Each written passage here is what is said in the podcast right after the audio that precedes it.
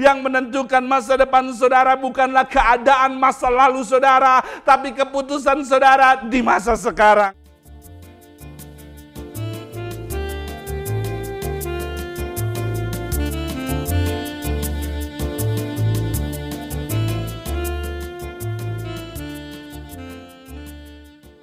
satu gereja bagi para pecandu dan para gangster termasuk juga prostitusi.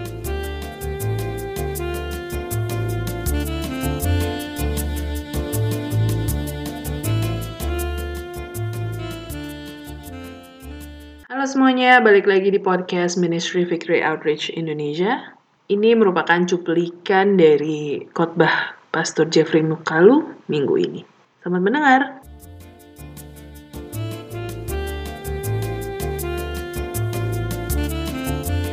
1 Samuel 17 ayat 45 sampai ayat 47. Saudara sudah sampai 1 Samuel 17 45 sampai ayat 47. Tetapi Daud berkata kepada orang Filistin itu, Engkau mendatangi aku dengan pedang dan tombak dan lembing. Tetapi aku mendatangi engkau dengan nama Tuhan semesta alam Allah segala barisan Israel yang kau tantang itu.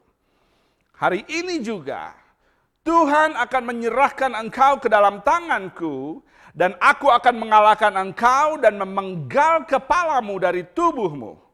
Hari ini juga aku akan memberikan mayatmu dan mayat tentara orang Filistin kepada burung-burung di udara dan kepada binatang-binatang liar supaya seluruh bumi tahu bahwa Israel mempunyai Allah. Dan supaya segenap jemaah ini tahu bahwa Tuhan menyelamatkan bukan dengan pedang dan bukan dengan lembing sebab di tangan Tuhanlah Sebab di tangan Tuhanlah pertempuran dan ia pun menyerahkan kamu ke dalam tangan kami. Sekali lagi kita berdoa Tuhan kami siap untuk mendengar dan menerima firman-Mu di dalam namamu Yesus kami berdoa.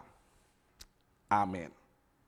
Porsi ayat yang baru saja kita baca sama-sama adalah porsi ayat di rangkaian akhir dari pertempuran Daud dan Goliat yang kita sama-sama familiar dengan cerita tersebut. Dan saudara tahu bahwa pertempuran Daud versus Goliat dimenangkan oleh Daud. Dan setelah dia memenangkan pertempurannya melawan Goliat, dia mulai masuk ke dalam istana dan proses menjadikan dia raja semakin lebih dekat. Saudara tahu ceritanya bahwa setelah kemenangan atas Goliat di 1 Samuel 17, 1 Samuel 18 mengatakan bahwa Saul mulai memasukkan dia ke dalam istana dan mulai mengangkat dia sebagai panglima prajurit. Bahkan Saul pun memberikan janji kepada siapa yang bisa mengalahkan Goliat akan diberikannya anak perempuan raja untuk dinikahinya dan keluarganya dibebaskan dari pajak yang yang ada saat itu. Dan pada akhirnya setelah Raja Saul mati, maka Daud mulai menggantikannya menjadi raja. Tidak ada yang tidak kenal dengan reputasi dan kesaksian Daud. Saudara tahu jika kita mendengar nama Daud, maka kita akan membayangkan seorang raja yang disegani oleh lawan-lawannya. Ketika kita mendengar nama Daud, maka kita mulai terbayang seorang musisi, seorang pemetik kecapi yang piawai, seorang penyembah dan penulis lagu-lagu indah. Ketika kita mendengar tentang Daud, Daud, dia adalah prajurit yang handal, berlaksa-laksa dia kalahkan musuhnya, penakluk Goliat, panglima perang yang disegani. Bahkan Alkitab pun mencatat ketika kita mendengar nama Daud bahwa dia adalah orang yang berkenan di hatinya Tuhan.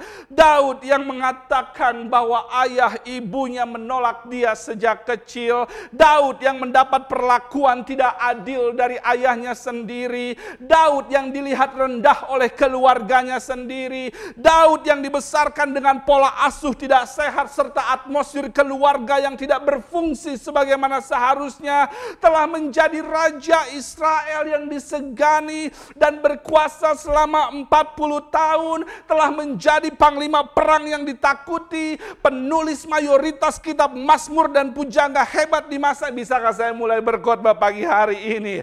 Latar belakang keluarga saudara. Dari mana saudara berasal dan bagaimana saudara dibesarkan. Tidak sama tidak sebanding dengan masa depan yang Tuhan punya untuk saudara. Saudara mungkin dilahirkan dalam keluarga yang tidak berfungsi seperti Daud. Saudara mungkin dibesarkan oleh atmosfer penolakan seperti yang dialami Daud. Saudara mungkin tidak tahu siapa ayah atau ibu saudara. Saudara mungkin sejak kecil hidup dengan nenek dan kakek saudara. Tapi dengar saya baik-baik gereja Tuhan. Yang menentukan masa depan saudara bukanlah keadaan masa lalu saudara. Tapi keputusan saudara di masa sekarang. On somebody. Saudara bisa hancur kemarin. Namun saudara bisa pulih besok. Jika saudara buat keputusan benar hari ini. Oleh karenanya jika setelah saudara melalui semua kegilaan di masa lalu dan masih hidup hari ini. Saya punya kabar baik buat saudara. Itu hanya berarti saudara berkesempatan dan berpotensi besar untuk melihat bahwa apa yang telah terjadi pada saudara tidaklah sebesar dari apa yang akan saudara terima berikutnya. Saya tidak peduli segelap dan sekelam apa pun yang saudara telah lalui. Karena prinsipnya saudara tidak bisa merubah masa lalu, namun saudara bisa merubah masa depan saudara. Daud dengan masa lalu yang kelam berakhir dengan masa depan yang cemerlang. Bisakah kita berhenti menilai seseorang hanya dengan membacanya satu pasal saja dalam kehidupannya? Daud dengan masa lalu yang kelam berakhir dengan masa depan yang cemerlang.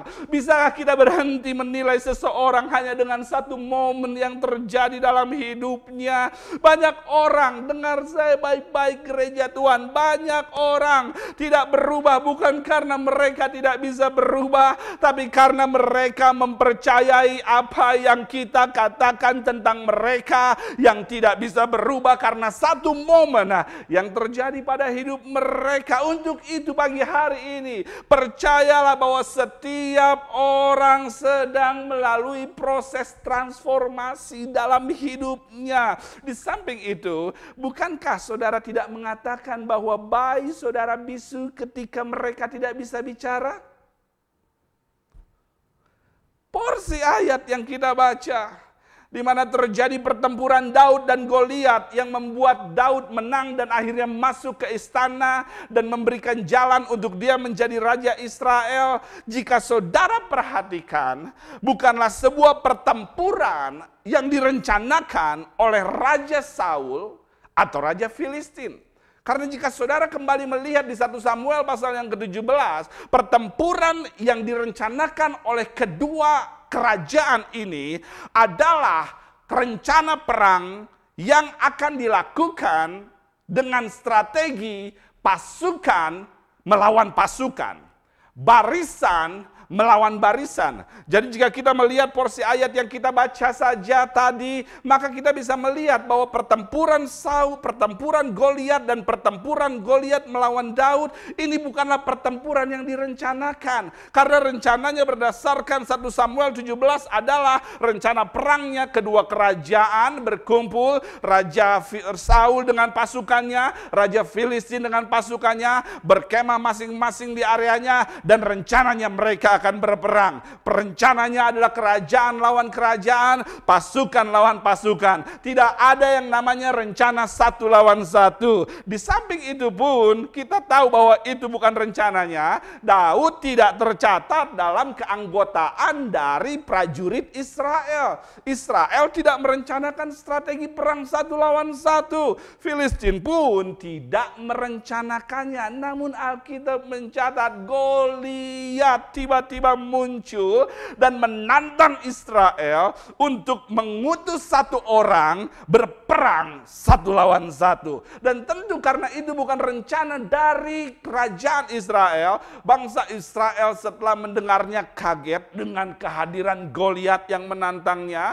Mereka tidak merencanakan strategi perang satu lawan satu. Mereka ketakutan dan tidak tahu siapa yang akan diutusnya untuk melawan Goliat karena tidak ada perencanaan dalam agenda perang mereka melawan Filistin. Apakah ini rencana Daud untuk bisa bertempur dengan Goliat? Tentu bukan, karena kita tahu bahwa Daud masuk ke medan pertempuran karena instruksi ayahnya untuk membawakan bekal makanan bagi kakak-kakaknya yang ada di medan perang. Jadi bukan rencana kerajaan Filistin, bukan rencana Daud, bukan rencana kerajaan Israel. Kita tahu bahwa tujuan Daud pun ke medan perang hanyalah untuk membawa bekal makanan. Jadi, jika kehadiran Goliat bukan rencana Israel, bukan rencana Filistin, bukan rencana Daud, bukan rencana ayahnya Daud, maka asumsi akurat saya ini bagian dari rencana Tuhan. Kehadiran Goliat adalah bagian dari rencana Tuhan. Memerangi Goliat adalah bagian dari rencana Tuhan. Kenapa? Karena saya bisa melihat hasil akhirnya bangsa Israel menang tanpa kesulitan harus berperang dan Daud masuk istana raja yang membawa dia masuk ke dalam posisi menjadi raja Israel. Karena memang itu adalah apa yang sudah Tuhan lakukan ketika dia mengirim Nabi Samuel untuk mengurapi tapi dia menjadi raja namun secara politik dia belum di, belum dituk, belum dikukuhkan sampai Daud melawan Goliat dan mengalahkannya. Jadi kita bisa melihat jika ini bukan rencana Israel, bukan rencana Filistin, bukan rencana Daud, bukan rencana ayahnya Daud, kita bisa mengasumsikan dengan akurat Goliat hadir untuk saya adalah bagian dari rencana Tuhan agar Israel menang, agar Daud menjadi raja. Jadi apa yang ingin saya coba katakan adalah sering kali Tuhan merencanakan episode Goliat dalam hidup saudara. Episode ditelan ikan besar. Episode yang mengagetkan saudara. Episode di luar rencana dan strategi perencanaan ataupun dari apa yang saudara agendakan. Seringkali Tuhan merencanakan episode di luar kemampuan, episode yang membuat saudara kalang kabut, episode wabah yang datang tiba-tiba. Apa yang saya ingin coba katakan adalah sering kali Tuhan merencanakan episode Goliat, episode istri tiba-tiba mau pulang ke rumah orang tua, episode kenaikan uang pangkal sekolah di tahun ajaran baru, untuk terjadi dalam hidup kita dikarenakan kenapa dia merencanakan episode Goliat dalam hidup kita yang tidak sesuai dengan rencana dan agenda kita yang membuat kita terdekat. Itu dikarenakan dia sudah selesai mempersiapkan episode istana buat saudara. Dia sudah selesai mempersiapkan episode istana buat Daud episode istana episode kerajaan buat Daud. Namun Daud pertama harus dulu melalui episode melawan Goliat. Dan agar episode istana dalam hidup saudara bisa tayang, maka episode Goliat saudara harus segera diselesaikan. Artinya Goliat mutlak diperlukan untuk Daud menjadi raja, untuk Israel menjadi menang, untuk Daud masuk istana. Goliat mutlak harus hadir. Goliat akan hilang setelah jika kita melihat apa yang Alkitab tunjukkan, anak kecil pembawa bekal makanan berubah menjadi menjadi pejuang di medan pertempuran, maka Goliat akan hilang dan habis masa tayangnya. Barbel mutlak diperlukan untuk otot membesar. Sakit mutlak diperlukan untuk kita bisa belajar menghargai tubuh kita. Kurang mutlak diperlukan untuk kita yang malas jadi rajin, yang boros jadi hemat, yang suka mengeluh jadi bersyukur. Disiplin, scripture mutlak diperlukan kita bisa belajar dari kesalahan dan berkembang oleh karenanya. Namun yang mutlak tidak berarti permanen. Jika saudara mau mengikuti arahan saudara di episode Goliat saudara saat ini. Namun jika saudara menolak arahan dari sutradara, maka akan terus dilakukan syuting ulang yang panjang dan melelahkan dan harus melihat Goliat yang sama setiap harinya. Tidak heran bangsa Israel dia harus berputar 40 tahun di padang gurun padahal untuk bisa masuk ke episode tanah perjanjian sejak mereka keluar dari Mesir hanya perlu waktu 2 3 minggu saja. Jadi kita bisa melihat bahwa berubahnya episode hidup tidak ditentukan oleh faktor waktu tapi ditentukan oleh faktor iman saudara pada firman Tuhan. Dan beberapa faktor iman atau faktor yang membentuk iman yang kita bisa lihat dari kehidupan Daud yang telah membentuk imannya kepada Tuhan. Sehingga episode Goliat dia berakhir dan masuk kepada episode istana kita akan melihat sama-sama dan kita mau menteladaninya. Karena sekali lagi episode ini berakhir bukan karena waktu episode ini berakhir bukan karena kemampuan episode ini berakhir bukan karena skill episode ini berakhir karena iman kepada Tuhan. Berakhir karena iman kepada Tuhan. Untuk itu kita akan melihat beberapa faktor iman yang kita bisa teladani dari kehidupan Daud yang telah membentuk imannya sehingga dia masuk ke dalam episode istana dalam hidupnya. Yang pertama, berdasarkan cerita yang sering kita dengar, maka Faktor iman yang pertama yang ingin kita pelajari dan akumulasi dalam hidup kita agar episode hidup kita berubah dari episode Goliat kepada episode istana. Yang pertama adalah sudut pandang. Ini adalah faith factor yang pertama, sudut pandang atau perspektif. Ketika Goliat muncul dan menantang bangsa Israel siang dan malam di ayat sebelumnya, Saudara melihat Alkitab mencatat bahwa bangsa Israel yang mendengar tantangan dari Goliat yang siang dan malam berkoar-koar, bangsa Israel melihatnya, menganalisanya, lalu menghasilkan sudut pandang dan dari sudut pandang yang dihasilkan mereka lari ketakutan. Mereka semua lari ketakutan. Bangsa Israel melihat ancamannya, mendengar tantangannya, dan menganalisa, lalu menyimpulkan. Lalu akhirnya mereka mengatakan, ah saya lihat Goliat terlalu besar, saya lihat masalahnya terlalu rumit, saya lihat kondisinya terlalu kompleks. Penghasilan satu juta, pengeluaran 10 juta. Saya khawatir, saya lari. Biaya produksi naik, tapi permintaan sedikit. Saya panik, saya mundur.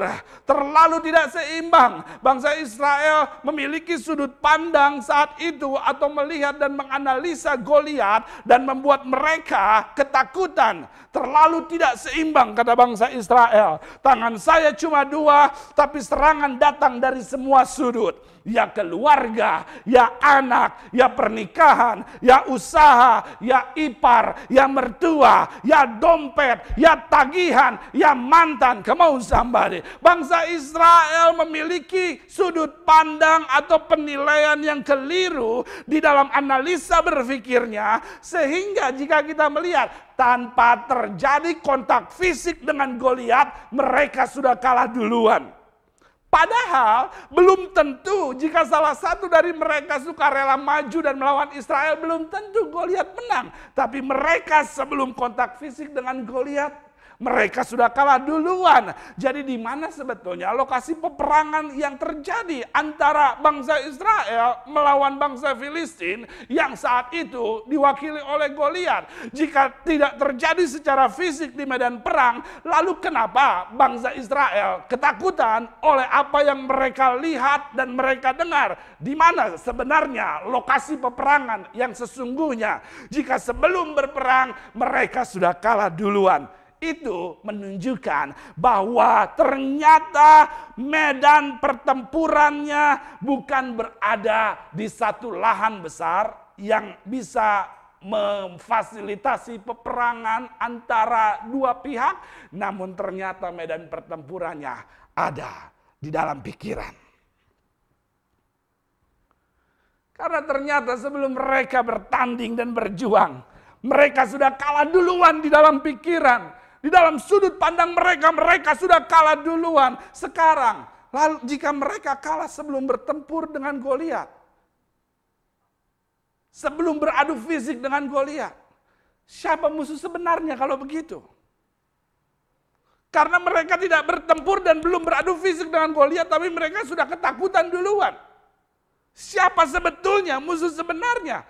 Bukan Goliat musuh sebenarnya. Bukan kurang uang, bukan haters, bukan suami, bukan istri, bukan deadline, bukan orang tua, bukan bos. Karena berdasarkan cerita ini, musuh sebenarnya adalah reaksi saudara sendiri hasil dari sudut pandang yang saudara miliki. Karena ini poinnya. Saudara tidak bisa mengendalikan apa yang terjadi pada saudara, tapi saudara bisa memilih untuk apa yang mau saudara besarkan. Saya ingin marah ketika saya melihat piring kotor bertumpuk di wastafel rumah saya. Saya ingin marah melihatnya. Tapi saya memilih untuk bersyukur karena Tuhan menyediakan makanan untuk keluarga saya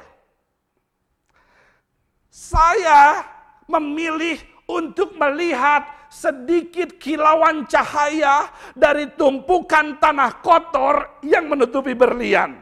Saya memilih untuk melihat lingkaran donat yang berisi daging donat daripada bolongnya objek yang tidak indah akan menjadi gambar yang indah jika fotografer mengambil dari angle yang berbeda atau dari sudut yang berbeda. Daud melihat Goliat sama dengan bangsa Israel melihat Goliat. Namun Daud memiliki reaksi yang berbeda. Dia katakan, "Jangan takut, hambamu ini akan maju karena aku tahu Tuhan yang telah melepaskan aku dari cakar singa dan beruang akan melindungi dan menolong aku. Dengan kata lain Daud mengatakan dari hasil sudut pandang dan perspektifnya, memang yang saya lihat sama seperti yang kamu lihat. Memang Goliat ini terlalu besar, memang masalah ini di luar kendali, memang konflik ini tidak bisa saya handle, memang ini sakit belum ada obatnya. Namun karena semua itu terlalu rumit, maka saya berpikiran bukan untuk mundur, namun saya berpikir karena saking besarnya masalah, maka saya melihatnya itu menjadi tempat yang paling tepat untuk Tuhan menyatakan mukjizatnya. Daud memiliki reaksi dan sudut pandang yang berbeda dengan bangsa Israel. Bangsa Israel melihat Goliat yang begitu besar, masalah besar, mereka takut. Daud melihat masalah besar sama seperti bangsa Israel melihat masalah besar, tapi Daud bilang, "Ini saya tidak akan lose target. Karena saking besarnya, maka saya akan mudah untuk melihat dan mengalahkannya. Daud memilih melihat besarnya Tuhan dibanding besarnya ukuran Goliat. Dan pagi hari ini saya datang untuk mengingatkan saudara bahwa Tuhan yang saudara layani lebih besar dari Goliat saudara. Tuhan yang saudara layani lebih besar dari tagihan saudara. Tuhan lebih besar dari penyakit saudara. Tuhan lebih besar dari permasalahan keluarga saudara. Tuhan di dalam saudara lebih besar daripada Goliat di luar saudara. Jadi jika saudara bisa menang di kepala atau di dalam kepala saudara, maka saudara bisa menang di luar kepala saudara. Tidak heran senjata pertama peperangan rohani adalah ketopong atau helmet keselamatan atau pelindung kepala keselamatan. Dijaga pikirannya. Itu adalah senjata peperangan rohani yang pertama. Fokuslah dengan apa yang Tuhan sedang lakukan ketika Goliat muncul daripada fokus dengan apa yang terjadi atau dengan Goliat yang terjadi dalam hidup saudara, niscaya sudut pandang saudara akan berubah dan saudara akan menang dalam pikiran, maka Goliat akan kalah dengan sendirinya ketika melihat seorang anak kecil yang menjauh membawa makanan menjadi prajurit ketika menghadapi Goliat. Yang Tuhan cari adalah perkembangan saudara maka Goliat mutlak diperlukan karena dia punya rencana agenda lebih besar yang membutuhkan mental-mental besar dan mental besar hanya bisa dibentuk ketika ada tantangan dan tekanan besar. Sudut pandang atau perspektif adalah faith factor yang pertama yang Daud miliki yang bangsa Israel tidak miliki. Namun faktor iman yang kedua yang kita bisa teladani dari Daud dari cerita pada saat dia menghadapi tantangan Goliatnya adalah bukan hanya perspektif, bukan hanya persepsi, namun yang kedua adalah deklarasi. Faktor iman yang kedua yang Daud tunjukkan pada saat dia menghadapi tantangan atau goliatnya adalah deklarasi. Saudara perhatikan di ayat yang saudara baca sebelumnya. Ketika Daud bercakap-cakap dengan Saul, lalu dia bercakap-cakap juga dengan Goliat. Perhatikan baik-baik. Dia menyebut nama Tuhan lebih banyak daripada dia menyebut nama Goliat. Dia katakan, Tuhan melepaskan aku dari cakar singa dan beruang. Lalu dia katakan, aku datangi engkau dengan nama Tuhan semesta alam. Allah segala barisan Israel. Lalu dia katakan lagi, hari ini juga Tuhan akan menyerahkan engkau. Supaya seluruh bumi tahu bahwa Israel memiliki Allah. Dan supaya segenap jemaat tahu bahwa Tuhan menyelamatkan bukan dengan pedang. Sebab di tangan Tuhanlah pertempuran dan ia akan menyerahkan kamu. Daud menunjukkan kepada kita faktor iman yang kedua pada saat kita berhadapan dengan Goliat yang terlihat lebih besar dari kita, bukan hanya sudut pandang kita yang harus dirubah, namun kita harus merubah vokabulari kita, merubah kata-kata kita, memulai atau menciptakan deklarasi-deklarasi yang positif yang menunjukkan dan sepakat dengan apa yang firman Tuhan katakan. Maksud saya, saya tidak meminta saudara mengingkari bahwa saudara tidak punya Goliat, saudara tidak punya masalah. Saya tidak meminta saudara mengingkari bahwa saudara tertekan atau stres atau lagi dalam masa kesulitan. Tidak sama sekali.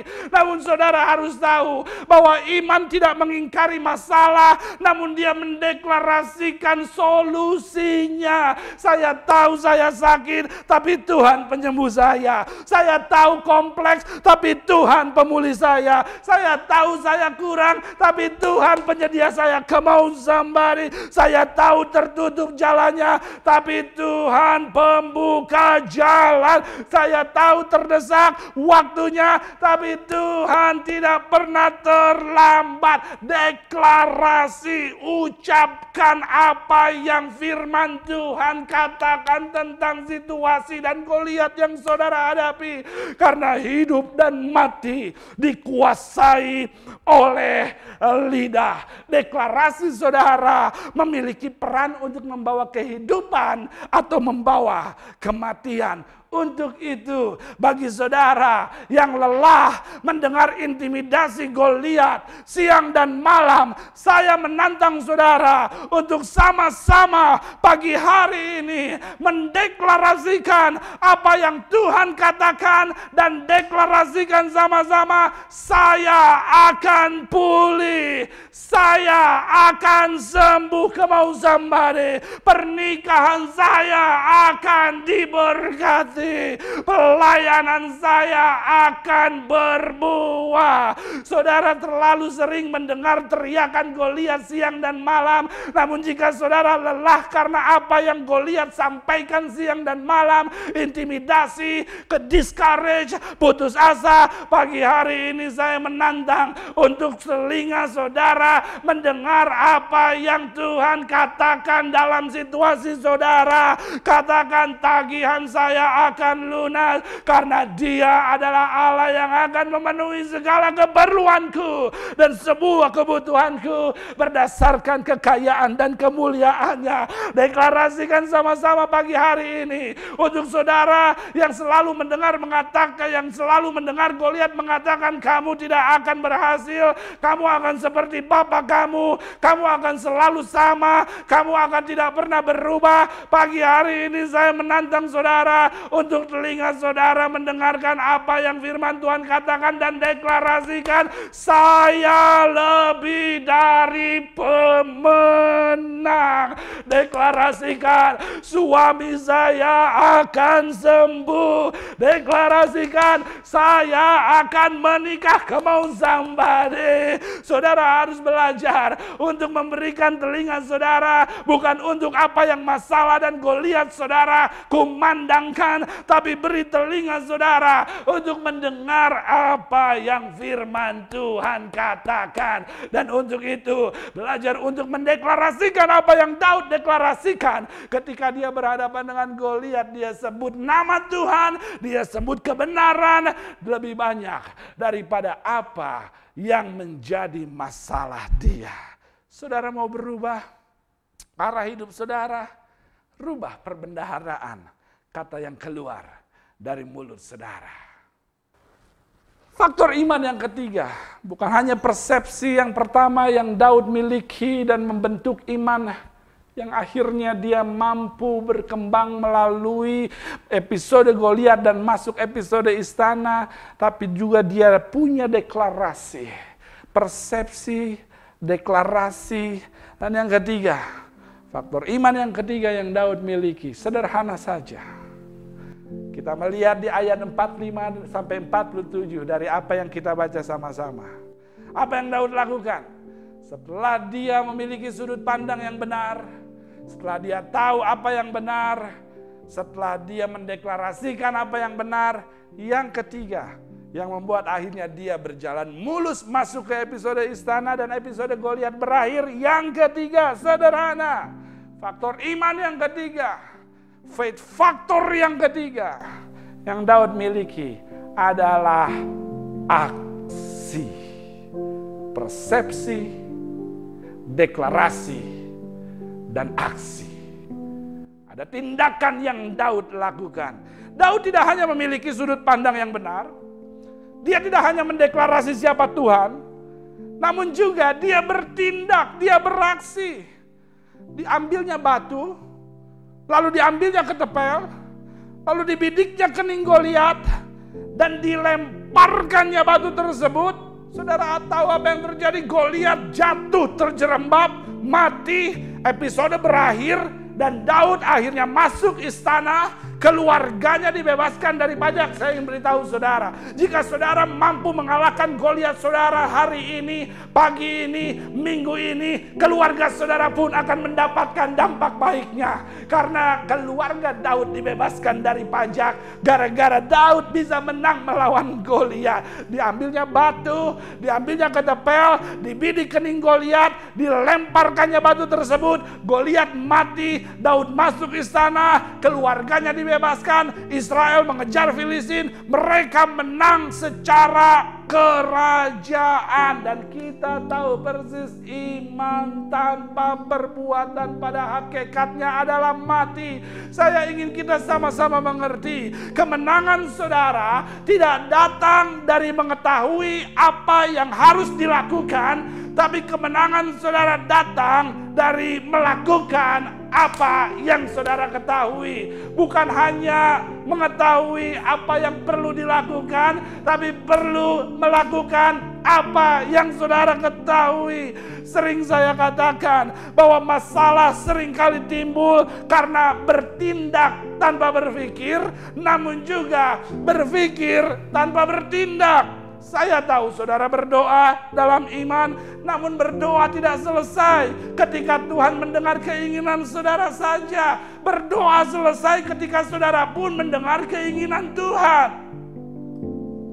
Saudara berdoa untuk sehat, tapi apakah saudara mendengar apa yang Tuhan mau untuk saudara sehat? Makan sehat, olahraga, Jika saudara ogah lara, maka saudara harus olahraga. Kemau somebody. Saudara berdoa buat pernikahan pulih. Tuhan tolong pulihkan pernikahan saya. Apakah saudara mendengar setelah itu? Ini yang harus kamu lakukan untuk pernikahan kamu pulih. Saudara harus mengerti doa belum selesai hanya karena Tuhan mendengar permintaan saudara. Doa selesai ketika saudara pun mendengar permintaan dari Tuhan. Saudara berdoa untuk usaha diberkati. Tapi apakah saudara melakukan usaha dengan jujur seperti yang Tuhan kehendaki agar saudara diberkati? Apa yang ada di tangan saudara saat ini saya beritahu saudara bisa menciptakan apa yang tidak ada di tangan saudara jika saudara mau memakainya. Daud tidak perlu senjata kaliber, Daud tidak perlu tombak dan lembing, Daud tidak perlu nuklir atau roket, dia tidak perlu senjata yang besar, dia hanya memakai apa yang ada di tangannya dan itu hanya batu dan ketepel. Dan jika saudara mampu memakai apa yang ada di tangan saudara, maka apa yang ada di tangan saudara bisa menciptakan apa yang saudara tidak punya. Maksud saya begini, jika dana perawatan mahal, saudara bisa pakai mulut saudara untuk senyum setiap hari, maka pernikahan saudara akan menjadi lebih baik. Kamu somebody, lakukan sesuatu. Jika belum bisa bawa istri pergi liburan ke tempat yang dia mau, saudara tetap bisa memakai apa yang ada dan menghasilkan apa yang diharapkan. Maksud saya, saudara belum bisa bawa-bawa istri jalan-jalan, saudara pulang ke rumah, pijat kakinya sebelum tidur. Kemau sambale. Saudara masih sewa tempat saat ini, tempat tinggal saudara masih ngontrak. Saudara mungkin belum memiliki pernikahan yang didukung, keluarga yang didukung dengan fasilitas-fasilitas rumah yang ada. Saudara masih sewa tempat, saudara masih punya apa yang ada di tangan. Tapi jika saudara memakai batu dan ketepel yang ada di tangan, maksud saya, saudara bisa memenuhi tempat sewaan saudara dengan tawa, dengan canda di setiap ruangannya maka apa yang tidak ada sebelumnya akan menjadi ada. Jika saudara harus menunda anak-anak sekolah karena ekonomi, karena krisis, saudara pun tidak perlu nanti anak-anak saya gimana, nanti ini begitu. Nah, saudara pakai apa yang ada di tangan. Jadi, jika seharus jika seandainya saudara harus menunda anak sekolah, maka saya beritahu saudara, jadikan rumah saudara sebagai sekolah buat anak-anak dan saudara jadi gurunya. Pakai batu dan ketepel yang ada untuk menghasilkan apa yang tidak ada dalam hidup saudara. Tidak perlu makanan mahal untuk suasana romantis dalam keluarga atau pernikahan. Cari tahu saja makanan kesukaannya. Nasi goreng pedas pakai kerupuk kemau somebody. Maka saudara tidak perlu harus sulit-sulit melakukan ini. Pakai apa yang ada di tangan, maka yang tidak ada di tangan akan saudara miliki. Lakukan sesuatu, punya persepsi, punya deklarasi, dan punya aksi. Karena jika saudara lakukan hal yang sesuai dengan firman Tuhan, maka jelas apa yang Daud katakan adalah jelas apa yang akan terjadi. Di mana Tuhan Daud mengatakan milik Tuhanlah pertempuran artinya saudara akan menang dengan apa?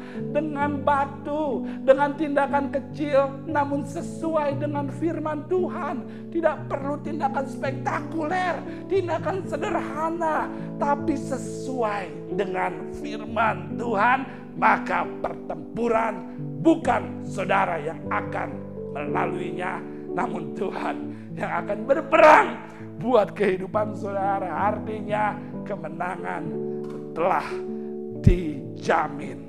Karena pada akhirnya yang terlihat besar Goliat, yang terlihat raksasa Goliat ternyata tidak setangguh dan sehebat yang kita pikirkan di awal kita melihat kehadirannya.